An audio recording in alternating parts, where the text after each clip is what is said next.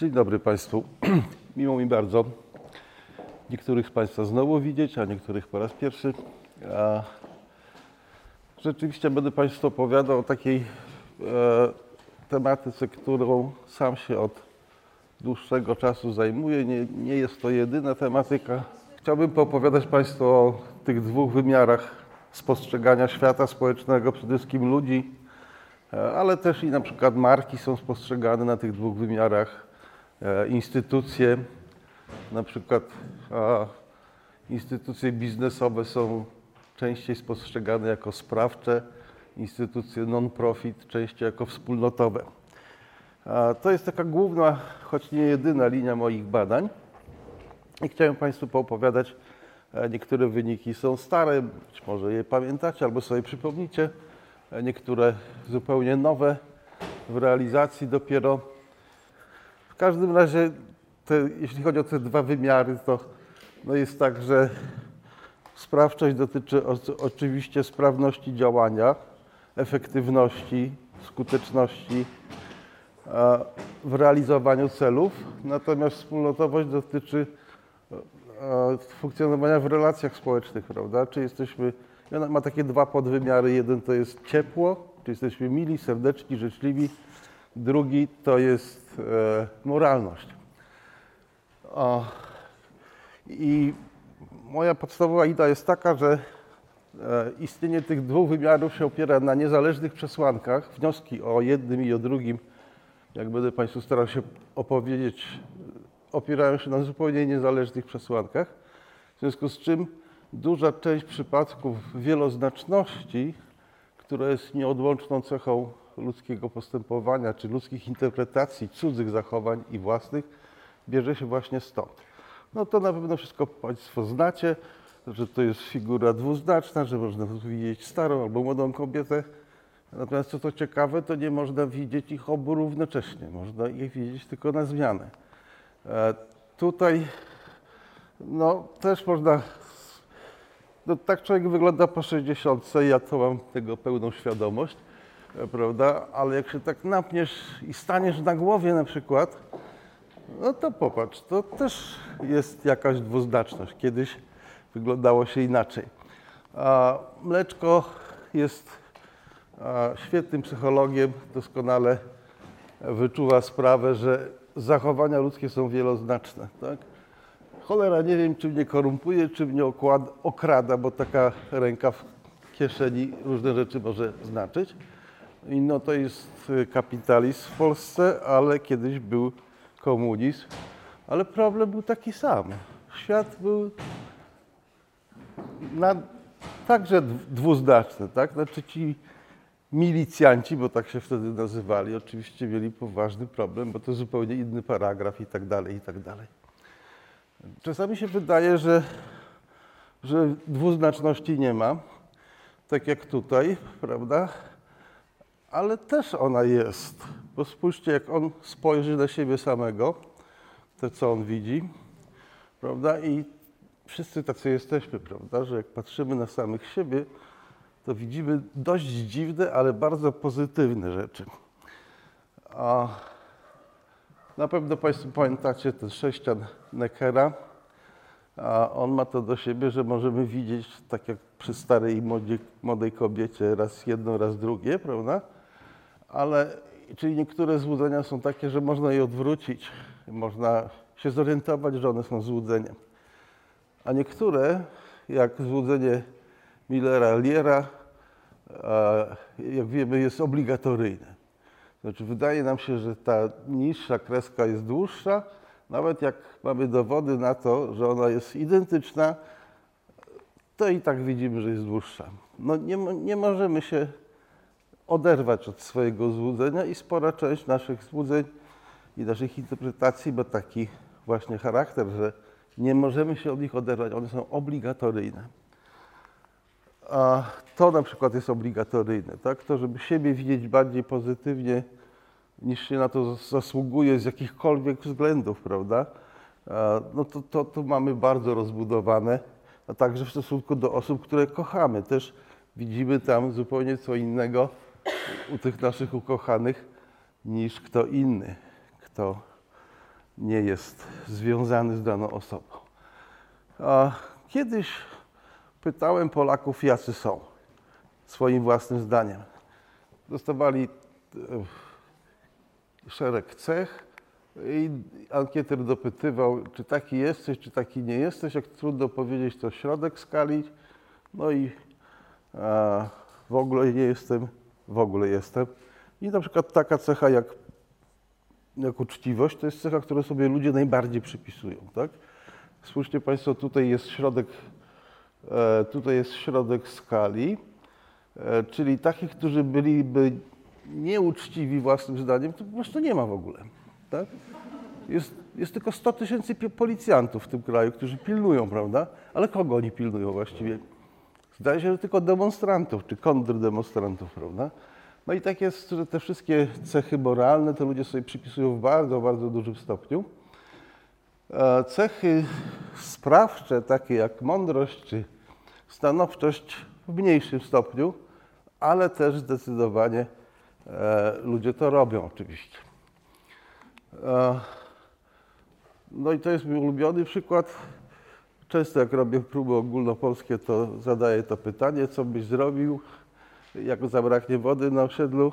No to ludzie zawsze tak odpowiadają, że większość weźmie mniej, żeby zostawić dla innych, prawda? No ale problem polega na tym, że co inni, prawda? No, a inni to sobie na zapas, tak? Czyli jesteśmy altruistami, którzy żyją w świecie egoistów e, i jest taka cała seria badań Nicolasa Epleya, który pokazał z Uniwersytetu Chicago, że ludzie trafnie przewidują cudze zachowania, ale zupełnie nietrafnie własne. Tak? Czyli to nie jest tak, że się mylimy w obu kierunkach. Nie, innych ludzi całkiem adekwatnie spostrzegamy, natomiast siebie widzimy przez różowe okulary e, i nie możemy się oprzeć. No tutaj jest, jest taki efekt bycia lepszym niż przeciętnie. Ludzie myślą, że są lepsi niż przeciętnie i ten przyjmujący do pracy mówi, no wie pan, to rzeczywiście robi wrażenie, ale wie pan, teraz to wszyscy kończą studia w, górnej, w górnym dziesiątym procencie. No i to jest tak, że 94% wykładowców, na przykład ja, uważa siebie samych za ponadprzeciętnie dobrych wykładowców, a tyle samo studentów uważa, że sobie ponadprzeciętnie dobrze radzi w kontaktach z rówieśnikami.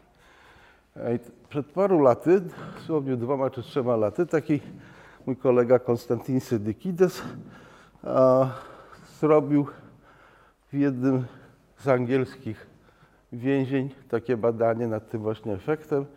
Pytał o różne cechy i pytał, czy jesteś taki, taki czy jesteś przeciętny no w porównaniu z innymi więźniami albo z mieszkańcami miasteczka, czy jesteś gorszy, czy lepszy niż przeciętnie.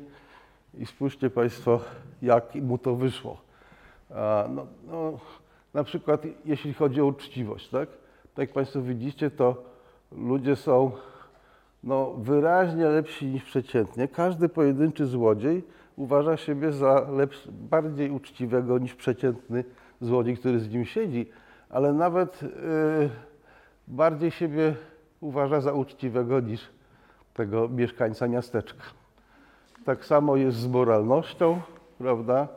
Tu w stosunku do innych więźniów, tutaj w stosunku do mieszkańców miasteczka. Tylko law abiding, czyli przestrzegający prawa, no to jest przeciętny jestem, mówią ludzie. Prawda? Myśmy to niedawno powtórzyli, dosłownie e, w tym roku chyba obliczyliśmy wyniki. Robiliśmy badanie na polskich więźniach, bo akurat miałem magistrantkę, która tam no, była krótko mówiąc klawiszem E, i e, okazało się, że tak jest, ale tylko w odniesieniu do cech moralnych. To znaczy więźniowie uważają się za bardziej moralnych niż przeciętny człowiek, ale nie uważają siebie za bardziej sprawnych. Tak? Czyli z tą moralnością jest tutaj coś dziwnego. Jaki postępek, jaki postępek wydaje się Państwu no, najbardziej niemoralny? Przykładowy. No, słucham? Oddanie dziecka do adopcji. No, jest jeszcze gorsze. zamordowanie tego dziecka, prawda? No tak, no, to, już jest. Poza skalą. No w każdym razie tu są wyniki badań niedawnych amerykańskich. Kurta Greya, który pytał właśnie ludzi i, i to są odpowiedzi. E, Częstość jest e, wskaźnikowa na tej wielkością liter, no, czyli morderstwo jest najbardziej typowym złym uczynkiem niemoralnym. A, a jaki jest najbardziej pozytywny, najbardziej moralny postępek? Tak, tak. No w każdym razie, jeżeli tutaj morderstwo, to tutaj coś przeciwnego, czyli, prawda? Czyli ja bym powiedział, że pewnie uratowanie życia innemu człowiekowi. Akurat nikt o to nie pytał, muszę swoich studentów spytać.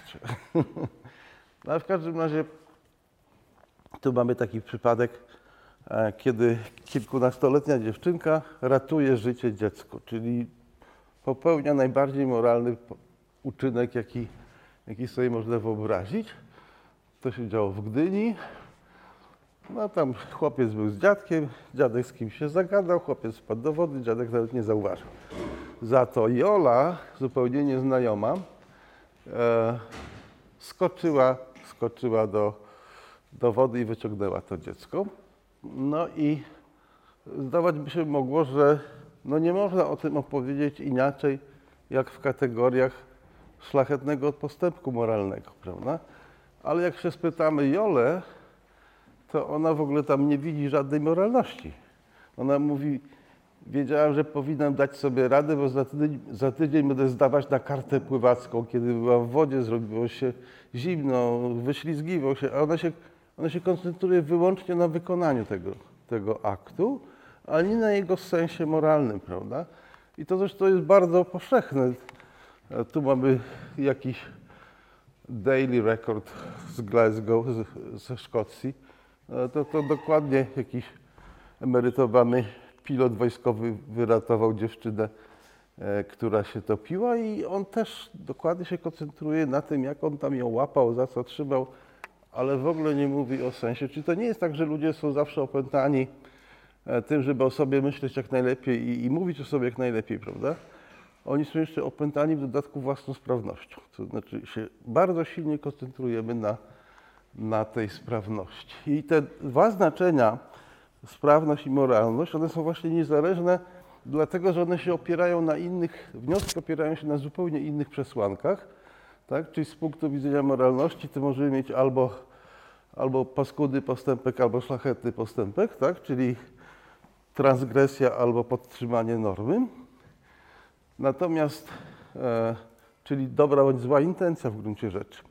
Natomiast z punktu widzenia sprawności, no to zupełnie co innego się liczy. To znaczy ta intencja może nie zostać zrealizowana i wtedy to jest porażka, albo może zostać zrealizowana i wtedy to jest sukces. Czyli widzimy, że zupełnie na czym innym się opierają e, te wnioski o cechach sprawczych i wspólnotowych, czy tam sprawnościowych i, mo- i moralnych. No i w związku z tym mamy takie klasy zachowań, które się poddają e, odmiennym interpretacjom. No na przykład jest paskudna intencja, a wykonanie, wykonanie marne. Na przykład student ściąga na egzaminie i ja go łapię, prawda? No i wtedy oba jesteśmy zdenerwowani, ale czy z tych samych powodów? Tak? On myśli o sobie, co za osioł ze mnie dałem się złapać, prawda? Ale ja nie myślę o nim, ale osioł. Ja raczej myślę w kategoriach innego zwierzątka, tak? Bo on patrzy z punktu widzenia sprawności swoich działań, a ja z punktu widzenia norm, którą w tym przypadku łamię. Jeżeli ja go nie złapię, to mu się uda i wtedy będzie grzeszny sukces, prawda? A cnotliwa porażka, no to wtedy, kiedy, kiedy jest zamiar szlachetny, a wykonanie marne i to jest nasza polska specjalność. E, tutaj spójrzcie Państwo, nawet ten już jest znudzony tymi moralnymi zwycięstwami swoich skazanych, prawda? Mówi już, no dobrze, dobrze. I właściwie do czasu Jana Pawła II cały nasz panteon narodowy był pełen bohaterów, którzy ponieśli strzątliwe porażki. Dopiero ten mało go nie zabili, ale jednak przeżył. E, I on trochę zaburzył, ale i tak do tego zmierzamy. Zmierzamy, tak? Na przykład nie możemy uwierzyć w to, że taki wciąż jeszcze niestety żywy Wałęsa, że on jest prawdziwym bohaterem, tak? Musimy zrobić jednak z tego klęskę, bo to nie pasuje do nas. To w każdym razie, e, jak się spojrzy na to z tego punktu widzenia, to widać, że, że, że ten treści sprawcze i wspólnotowe są po pierwsze niezależne od siebie zupełnie, prawda, bo się opierają na innych cechach zachowania. I one semantycznie nie są w ogóle e, sobie przeciwstawne, prawda, bo one dotyczą czegoś innego. Natomiast psychologicznie one są przeciwstawne. To znaczy ludzie, którzy widzą jedno, mają tendencję, żeby nie widzieć drugiego, prawda? E, czyli, słucham? No i zależy u kogo. No i tak, trochę zależy u kogo, to prawda. E, No ale e, idea jest taka, że przede wszystkim chodzi o to, czy to jestem ja sam, czy to ktoś inny, prawda? A To, to taki byłby podstawowy pomysł, że jak patrzymy na innych, to patrzymy z punktu widzenia biorcy. Tak? Jak patrzymy, jak e, obrośnięty drab napada na staruszkę, to patrzymy na to z punktu widzenia staruszki, a nie z punktu widzenia draba, prawda? Że ja uważam, że ludzie, że ludzie przyjmują spontanicznie e, perspektywę biorcy, odbiorcy jakiegoś działania. E, No bo jak patrzymy na innych, to oni robią dobre bądź złe rzeczy, do których my możemy korzystać bądź na nich tracić, więc ten aspekt e, ich postępków jest dla nas ważniejszy. Się koncentrujemy na tych treściach wspólnotowych, moralnych. Natomiast zupełnie co innego się dzieje, jak e, się patrzymy na siebie samych. E, Jak na siebie patrzymy, to zwykle coś robimy, mamy jakiś cel. Ja na przykład mam taki cel, żebyście Państwo nie wyszli, więc staram się robić różne rzeczy, żebyście tu jeszcze zostali, prawda? E, No i, i to jest tak jak, to jak, nie wiem, jak dziewczyna uwodzi tego co już zostawił staruszkę, to żeby stwierdzić, czy go skutecznie uwodzić, czy nieskutecznie, to musi monitorować sprawność swoich działań, prawda? W związku z czym koncentruje się na tym aspekcie, na, na tym znaczeniu sprawczym.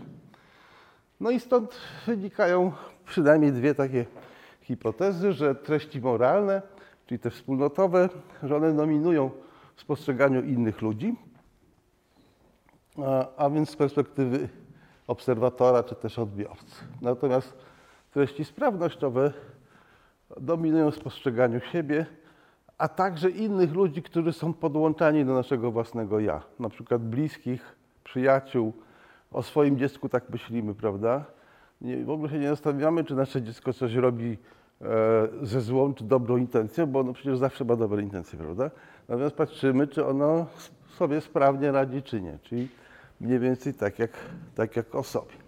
No i różne badania tutaj prowadziliśmy. Na przykład jedno badanie było o, dosyć słabe, bo ludzie sobie tylko wyobrażali jakieś sytuacje. A niektóre były wręcz zaczerpnięte z życia. Na przykład był taki, Państwo pewnie mi nie uwierzycie, ale ja kiedyś byłem młodym buntownikiem za czasów pierwszej Solidarności i pamiętam jak i, i byłem tam w jakichś komisjach, spotkaniach z rektorem i na tej uczelni, gdzie byłem młodym adiunktem, był taki bardzo elegancki rektor, człowiek z klasą, komunista paskudny, ale z klasą. To było wiele, wiele lat temu, to wtedy tacy jeszcze byli. I on mnie w piękny sposób załatwił e, na jakimś tam spotkaniu. Ja chciałem się koniecznie i buntowniczo do- domagać odpowiedzi na jakieś tam kłopotliwe pytanie.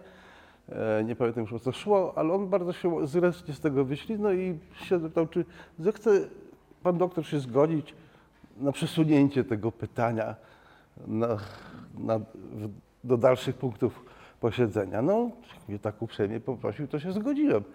No, a po kwadransie czy dwóch przyszła sekretarka i wywołała, bo jakiś tam telefon z ministerstwa. No i pan rektor wyszedł i już nie wrócił i nigdy się nie dowiedziałem. odpowiedzi na to pytanie i zresztą w ogóle samo pytanie zapomniałem. No ale w każdym razie na przykład taką sytuację prosiłem, żeby ludzie sobie wyobrazili, że oni są albo mną, albo rektorem, e, czyli żeby sobie wyobrazili, kiedy a, jesteś odbiorcą e, grzesznego zwycięstwa albo sprawcą grzesznego zwycięstwa. No i tutaj e, i te grzeszne zwycięstwa i porażki to zostało tutaj uśrednione. Chodzi tylko o to, e, że ludzie mieli sobie wyobrazić siebie w tej sytuacji, mieli siebie samego ocenić, czy dobrze, czy niedobrze siebie oceniają i uzasadnić tą ocenę.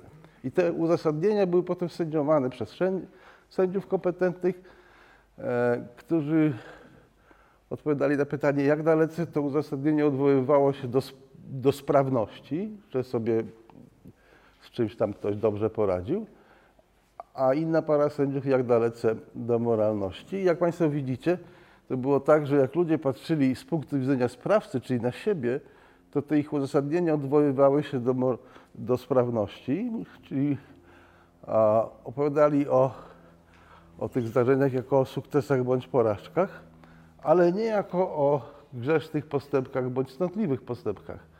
Natomiast jak patrzyli na kogoś innego, e, czyli wyobrażali sobie, oceniali tego rektora, e, no to było dokładnie odwrotnie. No oczywiście to słabiutkie badanie, bo ludzie sobie tylko wyobrażali, ale zrobiliśmy też takie badanie, gdzie ludzie już sobie nie wyobrażali, tylko przypominali. Przypominali sobie coś, wskutek czego im wzrosła albo spadła samoocena, albo wzrosła bądź spadła ocena innego człowieka. Więc tutaj wzorzec jest wyraźnie niższy, no bo tam różne rzeczy sobie przypominali, e, ale jednak dokładnie kształt został utrzymany, że, że znaczenie sprawnościowe jest ważniejsze od moralnego, kiedy patrzymy na własne zachowanie, odwrotnie, kiedy na cudze. Ten wzorzec to zresztą jest męski wzorzec. Jak podzielimy badanych na mężczyzn i kobiety, to jak widzimy, mężczyźni dokładnie to mają, tak, że u siebie się przyjmują tymi swoimi e, sukcesami czy porażkami. To bardzo było wyraźne, jak oglądałem to, co oni tam napisali.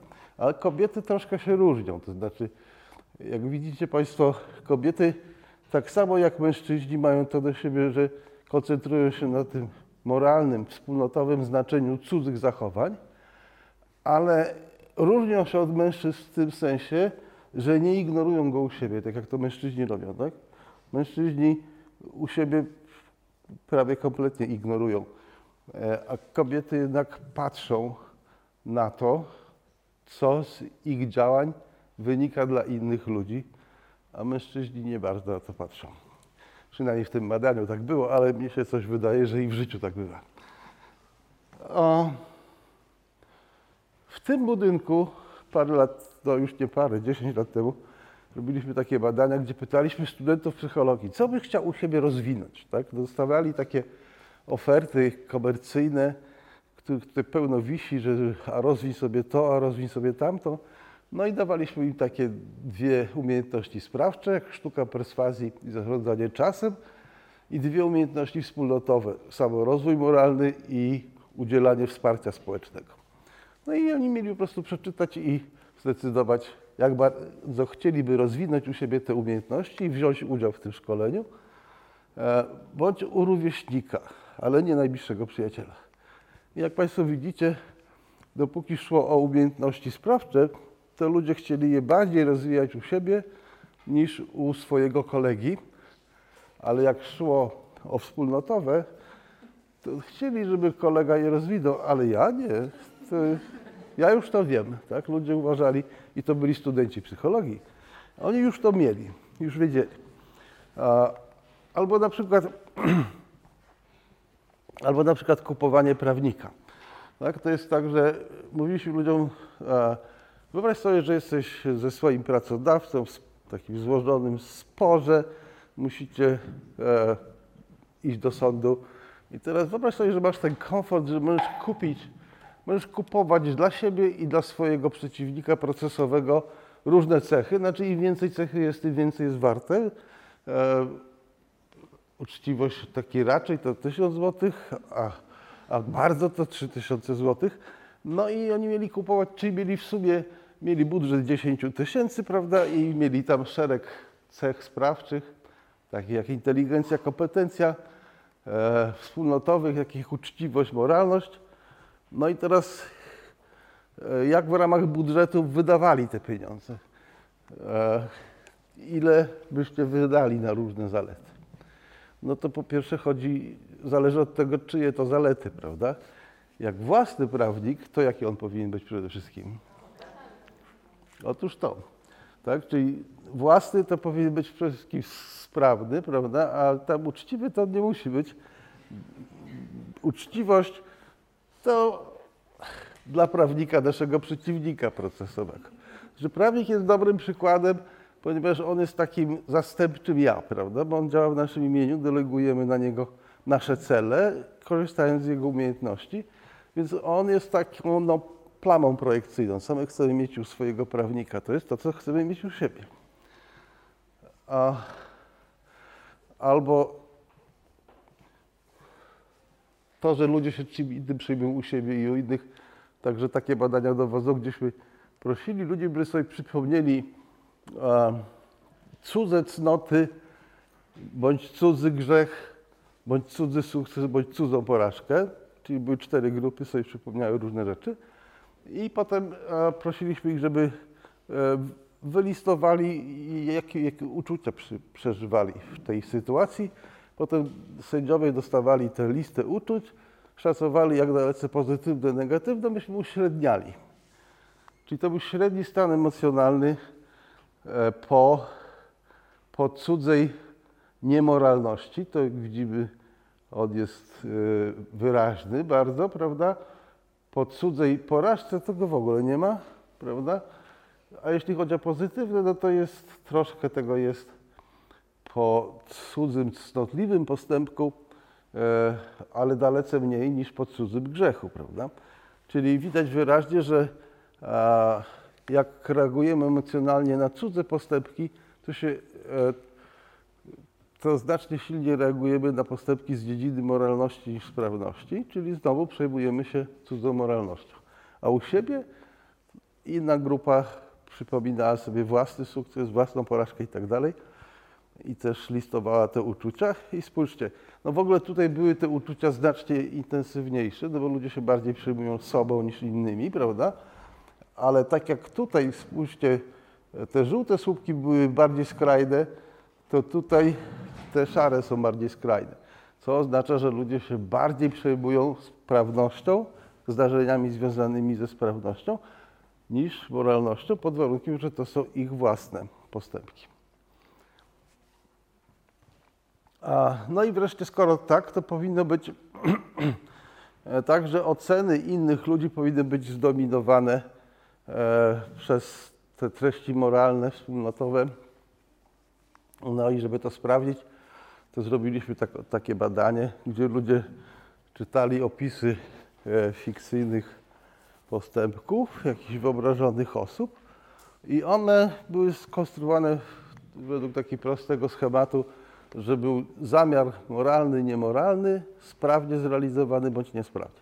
Tak, typu, że tam Piotrek broni swojego nieobecnego przyjaciela przed jakimiś oskarżeniami, ale robi to tak nielogicznie i głupio, że nikogo nie przekonuje. Prawda? Czyli szlachetny cel, ale intencje, e, i intencja, ale wykonanie kiepskie. No i to było tak, że czyli były cztery te możliwości. Jak widzimy, wtedy, kiedy intencja była moralna, to nawet jak wykonanie nie bardzo, to ocena była i tak pozytywna. Tak? Czyli liczą się przede wszystkim intencje e, w naszych ocenach innych ludzi. Natomiast poziom wykonania, sprawność jest tylko takim lekkim modyfikatorem. No oczywiście ten jest e, ten, któremu się udało zrealizować tą pozytywną intencję, to jest bardziej lubiany niż ten, któremu nie, ale jednak widać wyraźnie, że one się słabo składają.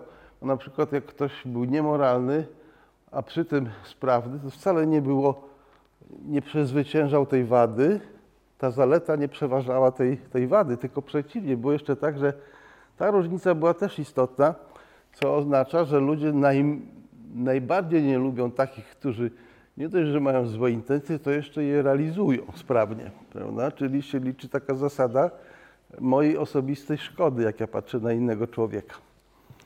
A,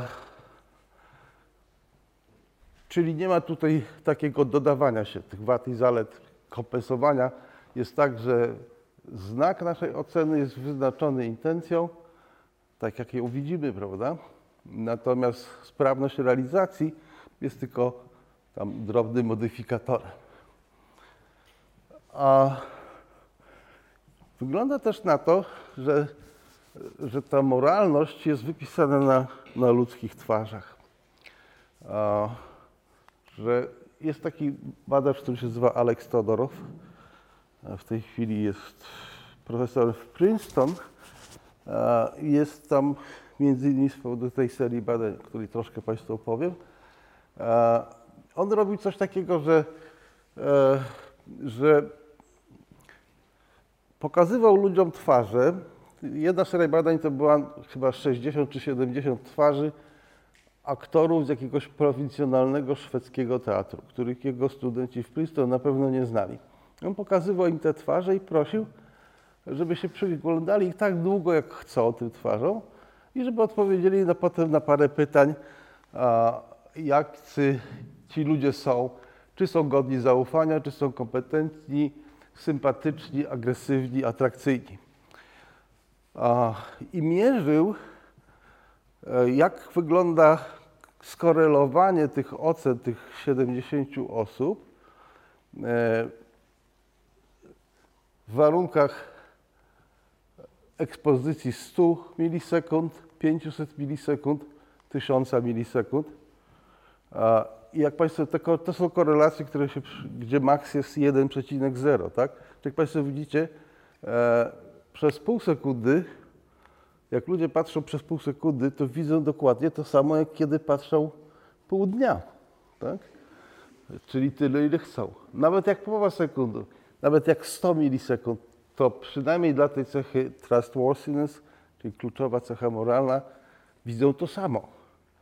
To jest niesamowite, bo sekunda to trwa tak długo, jak wypowiedzenie, słowa raz. Jak mamy jedną dziesiątą ekspozycji, tylko mignięcie, to my już wiemy, że jemu to można zaufać. Po pięciu latach się okazuje, że jednak nie, ale, e, ale nawet gdybyśmy siedzieli przez całe popołudnie i się mu przyglądali, to byśmy widzieli dokładnie to samo, co przez pół sekundy. I teraz spójrz- spójrzcie Państwo, nieoczekiwanie okazuje się, że tak zwane szybkie randki mają, super szybkie randki mają dużo sensu, tak? Że ludzie siadają naprzeciwko siebie, prawda? Mężczyźni i kobiety i gadają przez dwie minuty, potem dzwonek się przesiadają i okazuje się, że i w ten sposób możesz w ciągu e, tam kilkudziesięciu minut załatwić 20 facetów. Zamiast chodzić na 20 randek i stwierdzać, nie, ten się nie nadaje, a potem znowu ten też się nie nadaje. Masz to wszystko w 40 minut załatwione i jeszcze z naddatkiem, właściwie wystarczyłoby tylko sekundę na każdego patrzeć. Bo po prostu, bo przez sekundę widzimy to samo, co przez godzinę. I, i co takich danych, też są takie dane e, dotyczące zachowań niewerbalnych. To takie klasyczne e, badania, na przykład nagrywano ludzi e, dających wywiad o pracy, czy ubiegających się o pracę. Na, pierwsza posada nauczyciela. Nagrywano to e, i potem, no, czy tam za zgodą oczywiście badanych, i potem innym ludziom odtwarzano e, różnej długości fragmenty, wycinając fonię, sprawią, żeby przewidzieli, jak dobrym nauczycielem okaże się ten kandydat. I skorelowano te oceny e, ludzi, którzy oglądali filmy, z ocenami e, zawodowymi, jakie ci nauczyciele dostawali po pierwszym roku pracy. I się okazywało, że tam była korelacja, tak? I to całkiem spora, na poziomie 0,40. Czyli oczywiście nie było tak, że wszystko było widać, tak? Ale tak największego matołata można było wychwycić i, i już po... E, I to... e, I w tej chwili nie chcę skłamać, ale wydaje mi się, że to 15 sekund. Minimalny musiał być... Przynajmniej 15 sekund to musiało trwać, to nagranie, a z a powyżej 15 sekund już nie rosła dokładność wniosków. Także, e, no ale to było właśnie jedyne, jedno z nielicznych badań, gdzie było jakieś kryterium e, trafności, prawda? Ale co z takim kryterium e, e, trustworthiness, czyli ktoś jest godzien zaufania? No tutaj jest to, to dokładnie pokazane, jak to się zmienia, jak wygląda ta korelacja pomiędzy ocenami e, tego, czy ktoś jest godzien zaufania e, przy nieograniczonym czasie ekspozycji i przy e, rosnących czasach ekspozycji. To jak Państwo widzicie, to było tak, że właściwie, no tam powiedzmy, że 200 milisekund, e, przez pierwsze 200 milisekund wydłużenia powodowały wzrost jak gdyby korelacji, czyli w domniemaniu trafności. E, Ale po pierwszych 200 milisekundach już nie było żadnego przyrostu, nic. Także, no ale właśnie problem, czy to jest trafne, czy nie. I, i różne tutaj, e, to jest bardzo trudny do rozwiązania problem, prawda? No bo jak, jak to zmierzyć, kto jest godzien zaufania? I je- Jedna grupa Kanadyjczyków na przykład zrobiła takie badanie, gdzie wybrała zdjęcia e, laureatów pokojowej Nagrody Nobla w, w zamyśle moralnych pewnie, prawda? Jak nasz Lechu Wałęsa. Druga grupa to, byli, e, to były zdjęcia osób poszukiwanych, przestępców poszukiwanych międzynarodowymi listami gończymi. No i trzecia grupa przeciętnych zjadaczy chleba. No to się okazało, że ludzie nie byli w stanie skumać, że, że Wałęsa jest moralny. Ale, ale nie, od niedawna prowadzi się taką linię badań, która jest e, trochę lepiej kontrolowana i ona dotyczy e, szerokości twarzy.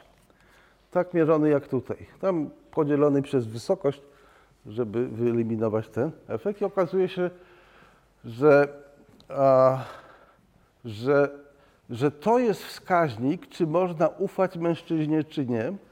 I teraz tu- czy, co do kobiet nie, nie udało się nic stwierdzić. Przy kobietach, przy kobietach się nie daje przewidzieć, której można zaufać, której nie, ale przy mężczyznach się daje.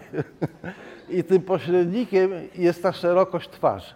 Otóż jest tak, że ci faceci, to jest ten, sam facet, właściwie to jest y, fikcyjny facet, bo to jest złożenie trzech zdjęć, ale w każdym razie ten ma wydłużoną, a ten ma poszerzoną twarz.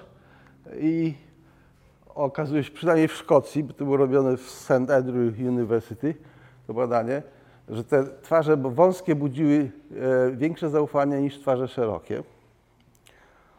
E, no i w dodatku to było uzasadnione, ponieważ jak e, ponieważ ci z szerokimi twarzami częściej oszukiwali. Oni tam rozgrywali taką kilkadziesiąt gier na pieniądze. Pojedyncza gra na bardzo małe pieniądze, no ale w sumie to już się już robiło tam 5 funtów. I się okazywało, że, że e, ci, którzy mieli szerokie twarze, częściej oszukiwali w tej grze na pieniądze i ci, którzy mieli szerokie twarze, to im e, ludzie mniej ufali. Tak? To jest odsetek jak gdyby ludzi, którzy zaufali tą, tą niewielką sumą pieniędzy, e, ale wielokrotnie e, człowiekowi w zależności od, e, od właśnie szerokości jego twarzy. No ale i w szczególności wyczulone na to są kobiety. E, I mężczyźni i kobiety są w stanie to wykryć, no ale przy kobietach niestety nie wiemy.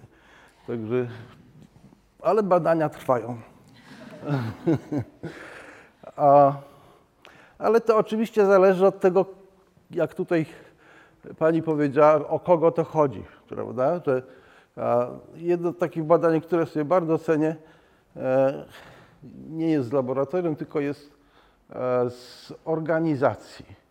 Badaliśmy właściwie za... Słucham? To jest to pracowa- y, badania pracodawców, tak? Czy korporacja, czy... Tak, to były, były dwie organizacje. Jedna to była biznesowa, skoncentrowana na zysku, a druga to była biurokratyczna, e, który, jak wiadomo, biurokracja nie jest skoncentrowana na dysku. Ja wiele lat pracowałem w różnych instytucjach państwowych i nawet nimi kierowałem. I słuchajcie, nie było żadnej możliwości, żeby lepiej opłacać lepszego pracownika niż, niż gorszego. No nie, nie, ma, nie ma w ogóle takiej opcji, tak? Po prostu, a jeszcze związki zawodowe tego pilnują i tak dalej. W każdym razie to, co urok tego badania polegał na tym, że to byli pracownicy działów finansowych w dwóch różnych organizacjach, ponieważ oni byli z działu finansów, to, to byli pracownicy, którzy robili praktycznie rzecz biorąc to samo, tak? Znaczy te same kwity przekładali i rysowali tabelki w Excelu, ale biurokracja od biznesu tym się, tym się różni, że biurokracji e, szef nie musi być kompetentny, a nawet jak jest kompetentny, to trochę przeszkadza, prawda? Ale w takiej prawdziwej biznesowej organizacji to musi być kompetentny, bo jak nie będzie kompetentny, to, się, to stracisz pracę, krótko mówiąc, bo się zawali. Czyli w biznesowej ludzie są zależni od szefa, zależni od jego umiejętności, w biurokratycznej nie są. No i w związku z tym y, robiliśmy o, e, mierzyliśmy trzy rzeczy. Co oni myślą o cechach sprawczych szefa, co o cechach wspólnotowych i czy go lubią, czy nie lubią. I przewidywaliśmy, e, od czego zależy lubienie. Czyli w biurokratycznej organizacji było tak, jak, że tak powiem, normalnie, to znaczy im bardziej y, uważali go za wspólnotowego, to tym bardziej go lubili. E, Dla sprawczości też, ale wyraźnie znacznie, znacznie słabsza ta, ta zależność. Natomiast to, co ciekawe, to w biznesowej organizacji było dokładnie odwrotnie. Tak? Ludzie o wiele bardziej lubili szefa za jego kompetencje niż za to, że jest miły. No i jeszcze tutaj taki mały statystyczny orgazm, jeszcze te dwie interakcje były istotne. Czyli oczywiście to nie jest tak, że my zawsze musimy widzieć tylko tą wspólnotowość u innych ludzi. Rzecz jasna, czasami widzimy też i sprawczość. Podobnie jak patrzymy na bliskich ludzi. Tutaj znowu e, ludzie w pewien sposób interpretowali zachowania e, e, albo własne, albo jakiejś odległej osoby, albo najbliższego przyjaciela. Jak Państwo widzicie, była dominacja wspólnotowości przy osobie odległej, sprawczości przy własnej osobie, natomiast przy osobie bliskiej wyraźnie ludzie utrzymywali wrażliwość na, e, na jej wspólnotowość, prawda? E, Czyli no, zależy od tego, e, z kim się zadajemy, to różne rzeczy mogą być ważne. A teraz, skoro tak, to skoro to spostrzeganie innych ludzi jest bardziej uzależnione od treści wspólnotowych, czy ktoś jest fajny, miły, życzliwy, a, a także moralny, uczciwy, niż od tego, czy jest sprawny, no to odwrotnie powinno być przy e, spostrzeganiu siebie samego i przy samoocenie. No i zrobiliśmy taką serię, e, zresztą nieoczekiwanie długa ta seria badań się okazała, gdzie ludzie oceniali siedem cech sprawczych, siedem cech wspólnotowych, własnych.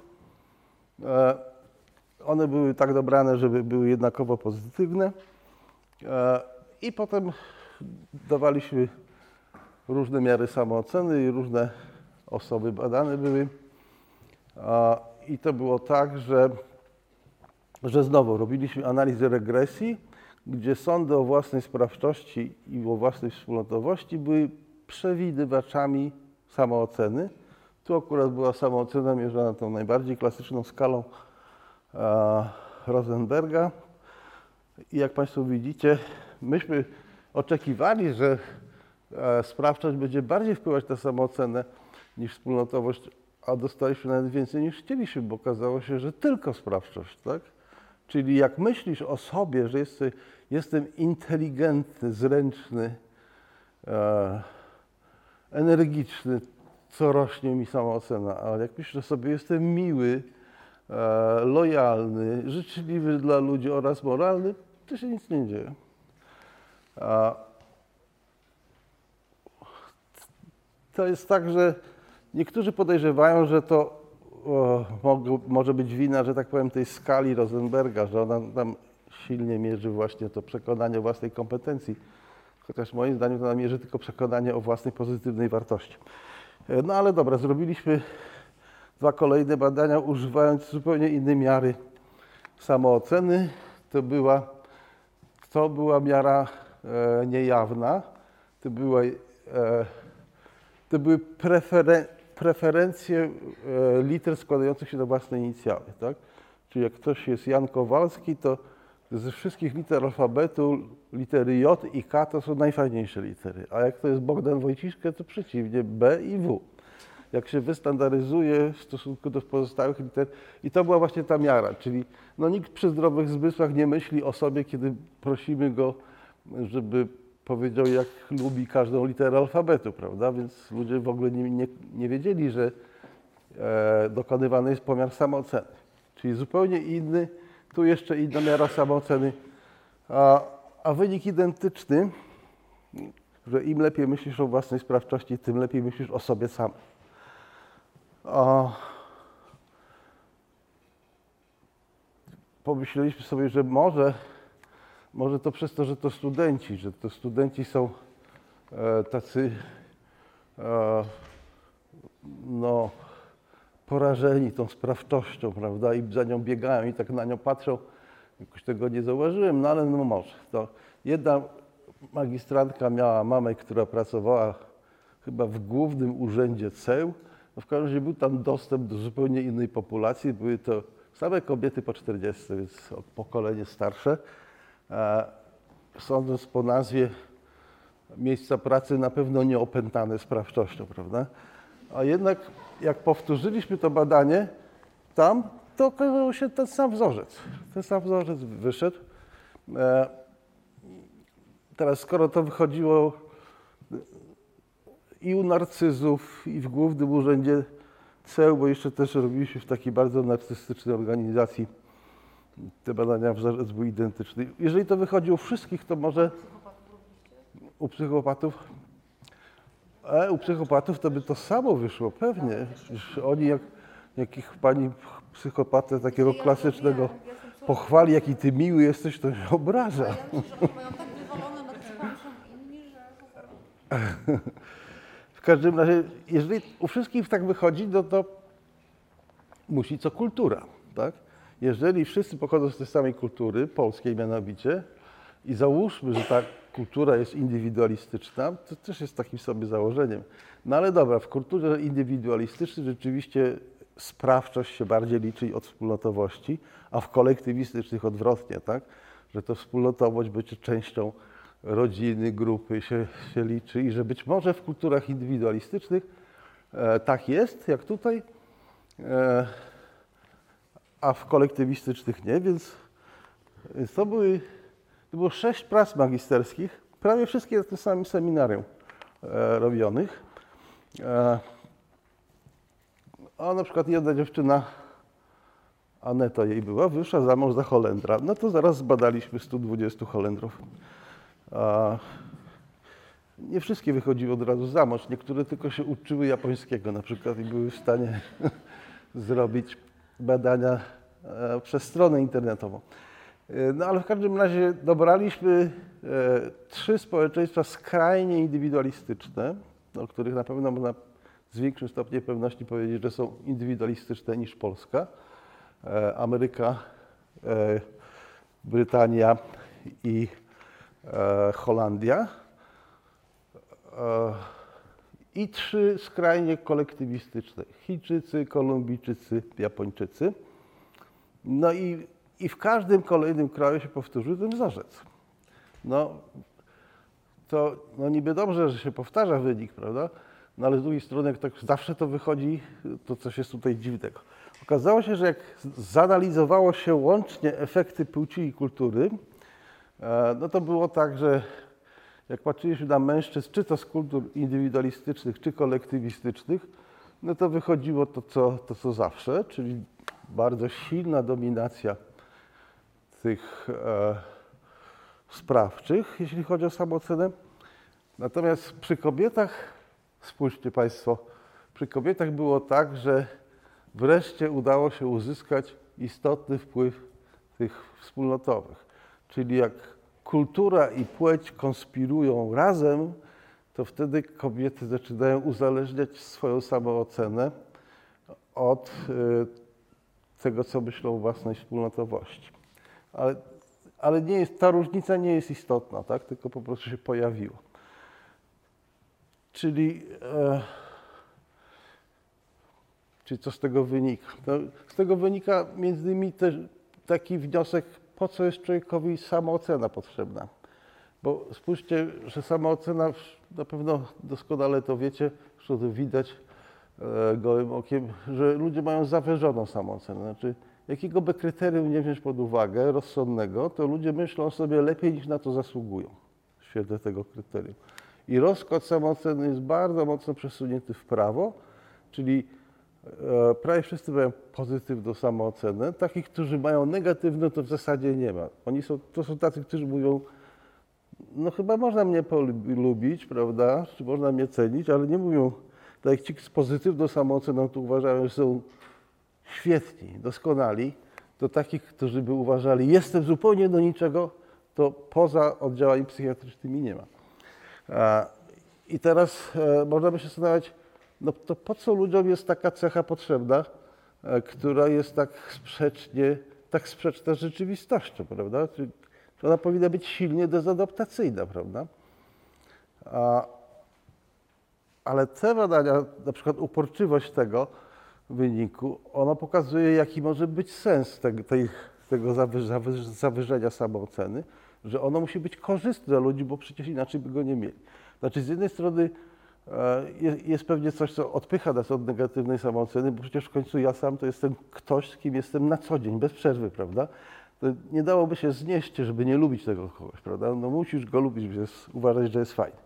Ale jest też i funkcjonalny sens w tym zawyżeniu samooceny, taki mianowicie, że e, no jest cała masa badań pokazujących, że ludzie z wysoką samooceną są jednak bardziej wytrwali.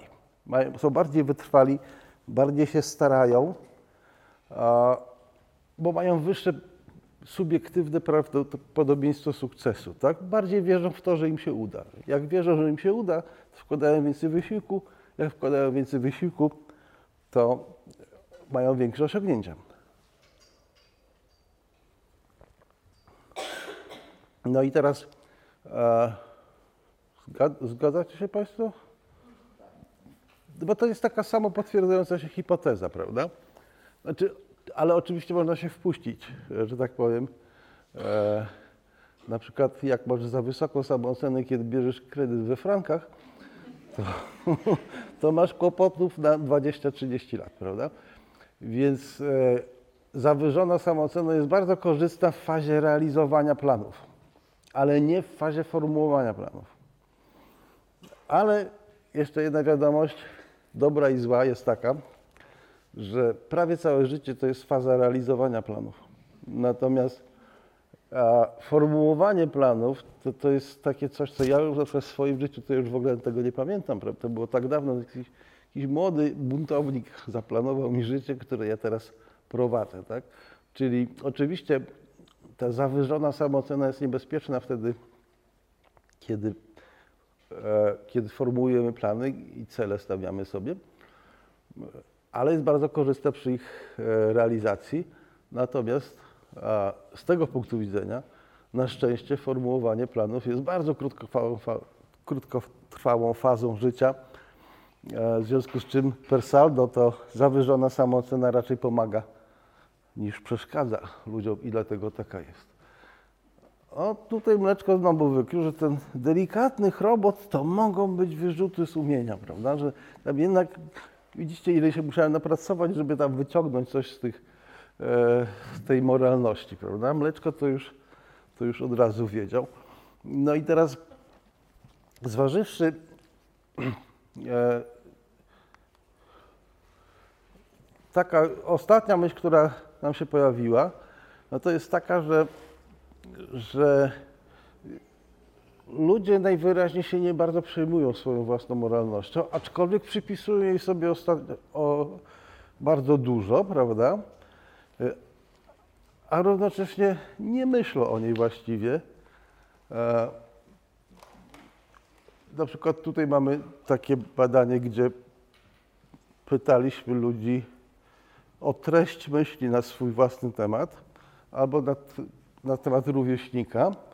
E, I one potem były sędziowane z uwagi na proporcje myśli dotyczących, tam mieli wypisać 10 myśli. Co zwykle o sobie myślisz? No jak Państwo widzicie, e, to co ludzie zwykle o sobie myśleli, to do- dotyczyło, znacznie częściej dotyczyło kompetencji, sprawności niż moralności, chociaż w odniesieniu do innych był ten e, odwrotny wzorzec. Jak zapytaliśmy, co myślałeś, inną grupę o sobie czy o rówieśniku w ciągu ostatnich trzech dni, to wzorzec był taki sam. Czyli wygląda na to, że ludzie sobie przypisują dużo tej moralności, cośmy widzieli na początku, chociaż w ogóle o niej nie myślą. Czyli wygląda na to, że ludzkie przekonania o własnej moralności mają charakter a prioryczny. Czyli z góry to wiemy, prawda? No i, to się zgadza z tym, że no nie, w ogóle nie można spotkać człowieka, który by myślał o sobie, że jest nieuczciwy, tak? Nawet idziemy do więzienia, czy to polskiego, czy angielskiego i wszyscy myślą, że są uczciwi.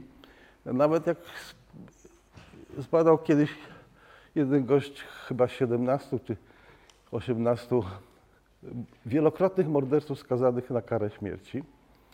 Żaden z nich nie uważał siebie za, za e, niemoralnego.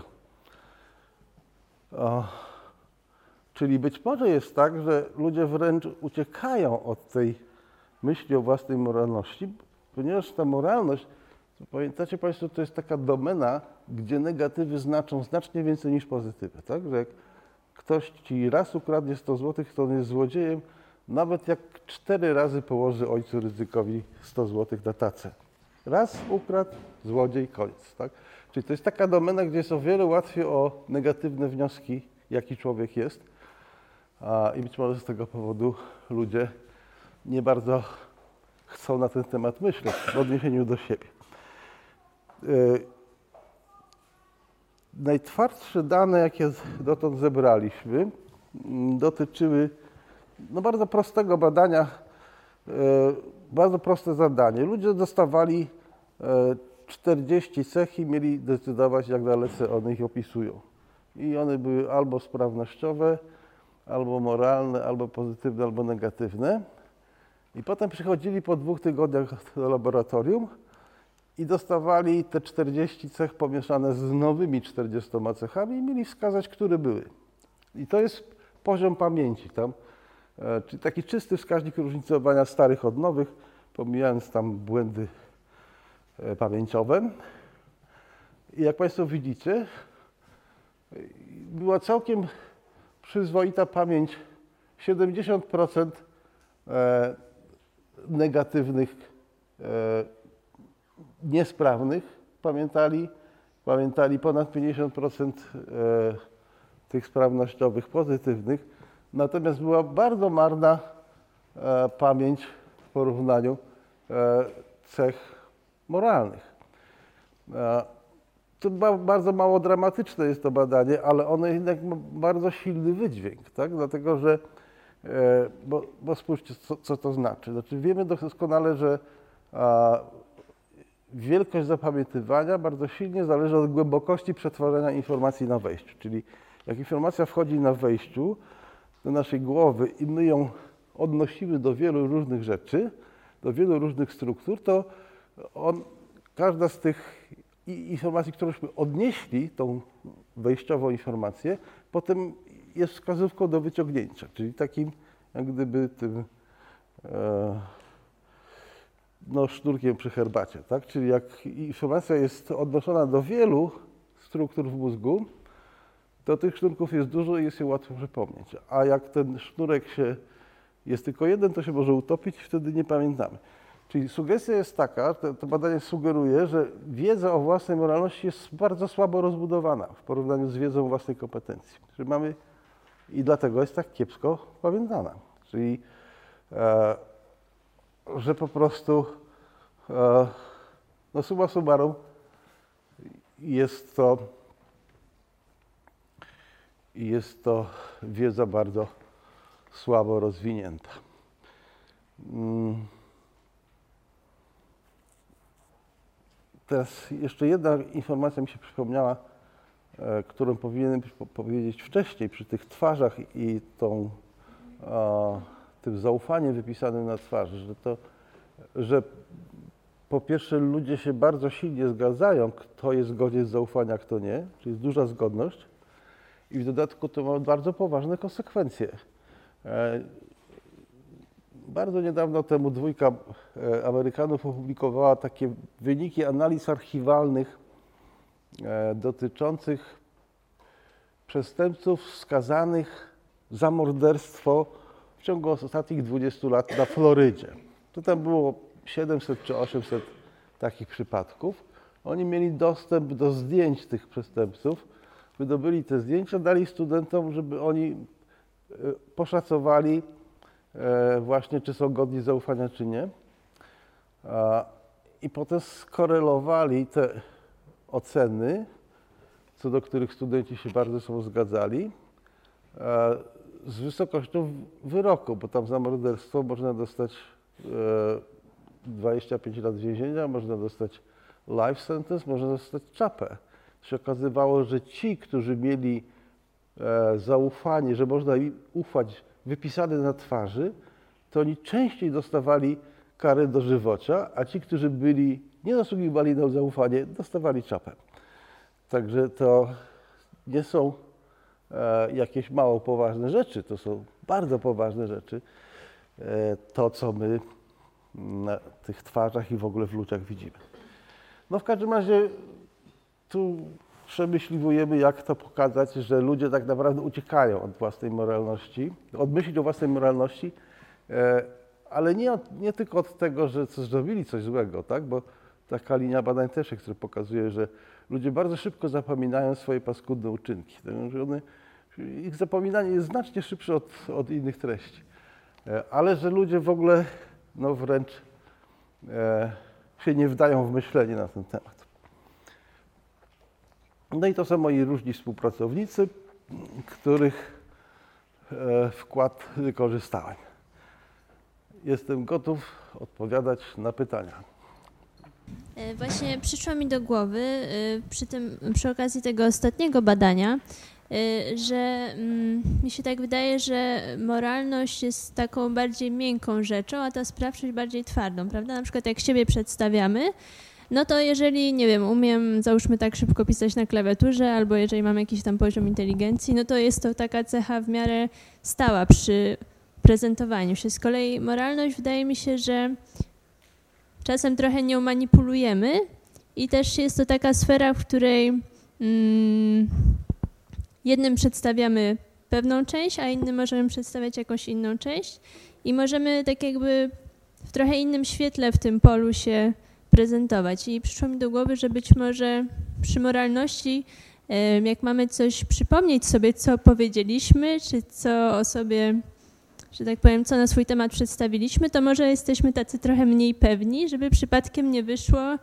że coś tutaj mm, kręcimy w takim potocznym, potocznym znaczeniu. Takie, taki pomysł mi przyszedł do głowy, nie wiem czy... Y, Ale to gdyby tak istotę tego pomysłu w jednym zdaniu powiedzieć. E, Istota jest taka, że co do cech sprawczych jesteśmy jednoznaczni i pewni i mm, powtarzamy je w ten sam sposób, a co do cech moralnych wydaje mi się, że często ym, przedstawiamy je wybiórczo i niekoniecznie tak samo w różnych sytuacjach i być może to jakoś z tym przypominaniem mogłoby się tutaj wiązać. Taki, taki pomysł mi do głowy przyszedł. Czy, je, czy jest tak, że...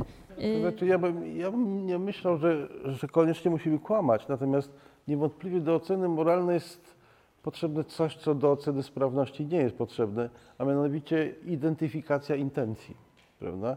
A ta jest tylko wokół patrzącego, to znaczy, to znaczy jak gdyby w przemożnym stopniu jest ona wokół patrzącego, natomiast czy ktoś pojechał szybko, czy wolno, czy skoczył daleko, czy blisko, no to można zmierzyć centymetrem, prawda? I to ma obiektywny walor. Natomiast oceny moralne no, zawsze są uwikłane w nie, w nie intencje. E, I zresztą jest też tak, że ludzie się bardziej zgadzają co do tego, kto jest kompetentny, a kto niekompetentny, niż co do tego, kto jest moralny, a kto jest niemoralny. Kiedyś robiliśmy takie badanie na dużej próbie ogólnopolskiej. Właściwie zreanalizowaliśmy wcześniejsze badania. To były badania, które były robione dawno temu, kiedy jeszcze e, chyba Kwaśniewski był i ktoś tam jeszcze e, prezydentem, i, a, ktoś jeszcze, a ktoś inny był pre, premierem. I myśmy mieli takie, te badania zrobiliśmy nad przypisywaniem różnych cech i można było oszacować, jaki jest poziom zmienności. To się okazywało, że niezależnie od figury politycznej, czy ona się podobała, czy się nie podobała, to do, co do inteligencji Polacy się znacznie bardziej ze sobą zgadzają, niż co do uczciwości. I jeśli chodzi o te oceny moralne, to już w tej chwili e, o, kilka linii badań mamy nad, nad, e, nad tym, jak dalece oceny moralne są zniekształcane własnym interesem i własnym lubieniem. I to jest po prostu wstrząsające, słuchajcie, że wystarczy wziąć, e, zastosować efekt samej ekspozycji. Pamiętacie, gęba się pokazuje raz, dwa, cztery razy, osiem razy i tak dalej. I ten, którego częściej widziałaś, on jest bardziej moralny. No, już nie mówiąc o tym, że ten, który ma poglądy podobne do Twoich, to jest bardziej moralny, prawda? Ale nawet właśnie go często widziałaś, albo cośmy tam jeszcze robili, aha, takie, e, jest taki efekt mimikry, że jak człowiek naśladuje Ciebie, naśladuje Twoją mimikę, to Ty go zaczynasz bardziej lubić i on jeszcze w dodatku staje się bardziej moralny. Tak? Czyli nic o człowieku nie wiesz, tylko to, że mimikę podobną do Ciebie i, i moralny jest. Także te, no serio, ale te oceny moralne wyglądają na to, że nie są w ogóle funta kłaków wa- warte, bo one są niesłychanie podatne i szczególności na, w szczególności na własny interes. Robiliśmy takie, takie badania, e, że, że ludzie oszuki, ludzie przychodzili parami i ta jedna z tej pary to była podstawiona osoba, która oszukiwała. Tam roz, na przykład rozwiązywała równania zamiast w, pa, w pamięci to na kalkulatorze. A ta druga osoba badana, która była niewinna i była rzeczywistą osobą badaną, e, to widziała to, co tamta robi. No i oczywiście uważała to za bardzo e, niemoralne, chyba że e, za każde e, fałszywie rozwiązane równanie dwa złote dostawała nie tylko oszustka, ale także osoba badana. Czyli ona wkładała te dwuzłotówki do, do, do dwóch kopert. O, to wtedy już było całkiem moralnie. Dzień dobry. Ja mam takie pytanie, a jak można by to przełożyć na jakieś przykłady motywacji w e, pracy zawodowej dla zespołu podwładnego? To właśnie jak motywować, żeby byli bardziej sprawczy, bo z jednej strony te badania pokazywały, że otoczenie chętniej widzi nas wspólnotowo działających, a z drugiej strony sprawczość jest kluczowa. Mhm. E, Tu warto, warto powiedzieć o jeszcze jednym efekcie. E, Taki efekt, można nazwać efekt pomówienia, innuendo efekt. Bardzo ciekawy. On jest taki, że jego, wykryto go właśnie w kontekście pracy, że ktoś się ubiega o pracę, no i w związku z tym e, pisze tam e, swój list motywacyjny, pokazuje swoje zalety i ok- okazało się, że e, jak ktoś e, się koncentruje wyłącznie na własnej sprawności, to jest uważany za zimnego drania, to znaczy za niewspólnotowego. Czyli jak pomijasz jeden z wymiarów, nic o nim nie mówisz, a dobrze mówisz o drugim wymiarze, to na tym pierwszym wymiarze ludzie wyciągają negatywne wnioski. A, czyli i to nie tylko w kontekście pracy działa, to w ogóle działa w taki sposób, że jak ludzie o czymś nie wspominają, to widać mają coś do ukrycia. Takie jest, takie jest założenie. No i, i to jest przykład tego, że jak one się. Aha, i jeszcze też jest taki efekt, że na przykład chcesz się wydać kompetentny, to, to nie bądź miły. No, raczej bądź niemiły. Tak? Czyli tak jak szef. Szef chce się wydać kompetentny, na tym, żeby być miłym nie zależy, ale dzięki temu, że jest niemiły, to jest widziany jako bardziej kompetentny. Tak? Czyli jeżeli mamy informację o kompetencji identyczną dla dwóch ludzi, to bardziej, za bardziej kompetentnego będziemy uważali tego drania, niewspólnotowego, prawda? I w drugą stronę, jak chcesz się przedstawić rzeczywiście jako bardzo miły człowiek, e, to broń Boże nie mów o tym, że jesteś mądry, mądry prawda? Albo że, że coś wiesz, tylko bądź miły. Znaczy kobiety to tam wiedzą bez, bez badań, prawda? Jak się starają przedstawić. No ale w każdym razie e, jedna aplikacja to, to moim zdaniem jest taka przeciwdziałać czemuś takiemu, tak? Czyli kobieta powinna powiedzieć, to, że jestem miła nie znaczy, że jestem durna, tak? Po prostu jestem miła, bo tak lubię, ale nie wyciągaj za daleko idących wniosków. E, To jest też tak, że na przykład y, ta wiedza jest także używana w marketingu, tak? że wszyscy chcą się dostać oczywiście do tego, e, do tej, e, do tego cnotliwego sukcesu, to znaczy chcą być dobrzy pod obydwoma względami, prawda? I, i starają się ukształtować e, obraz marki w taki sposób, żeby ona była widziana i jako taka ciepła, wspólnotowa, ale także jako świadcząca o kompetencji i, i wymagająca kompetencji e, przy konstruowaniu. Nawiasem mówiąc, w tej chwili prowadzimy takie badania, zbieramy dane, co ludzie chcą, a czego nie chcą, do czego chcą dążyć, a do czego, a czego unikać e, w relacji z szefem, w relacji z podwładnym i w relacji równościowej. No ale jeszcze, jeszcze nie wiemy. Znaczy, na przykład, czy będą bardziej unikać głupoty, czy bardziej będą unikać draństwa, prawda? U szefa, u podwładnego i tak dalej. E, Patrząc na, na te e, wyniki badań i, i na wspomniane, że w przypadku mężczyzn było więcej elementów, które dało się jakby zdefiniować, jeżeli chodzi o, o, o- wygląd twarzy, a, a u kobiet mniej. e, Jak, jaka, jaki był przedział badanych, jeżeli chodzi o kobiety i mężczyzn? Czy, czy, czy to były grupy niejednorodne, czy, czy Nie, więc to właśnie było bardzo marne w tym badaniu. To byli tylko, to byli tylko studenci tego e, St. Andrews University, gdzie książę William studiował. Nawiasem mówiąc, jak on się zgłosił na studia, to była duża nadwyżka pań w stosunku do roku poprzedniego. I jedna z nich, patrzcie, już go złapała dawno temu. Także skutecznie. Także to niestety wada tych badań. W tym badaniu było tak, że głównie oczy, nos. Trochę bliżej ten. Tak, głównie oczy i nos odpowiadają za, za to, czy komuś ufamy, czy nie. No ale z wiekiem nam się zmienia ta twarz. Czy też poziom zaufania nam się zmienia do takiej osoby, jaką widzimy przez te pół milisekundy? A, No, tam był akurat taki parametr, który się nie bardzo zmieniał, bo to była szerokość twarzy, czyli odtąd dotąd.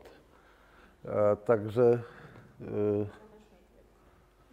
Chodzi mi o to, czy gdyby ci studenci byli zbadani 10 lat później, to poziom zaufania byłby do nich podobny? to znaczy ja myślę, że oni wszyscy się robią szersi, prawda? I to dobrze pasuje do tego, co w latach 60. młodzież mówiła, nie ufaj nikomu po 30. No to cóż, bardzo Państwu dziękuję, żeście przyszli, miło mi bardzo. Wszystkiego dobrego życzę.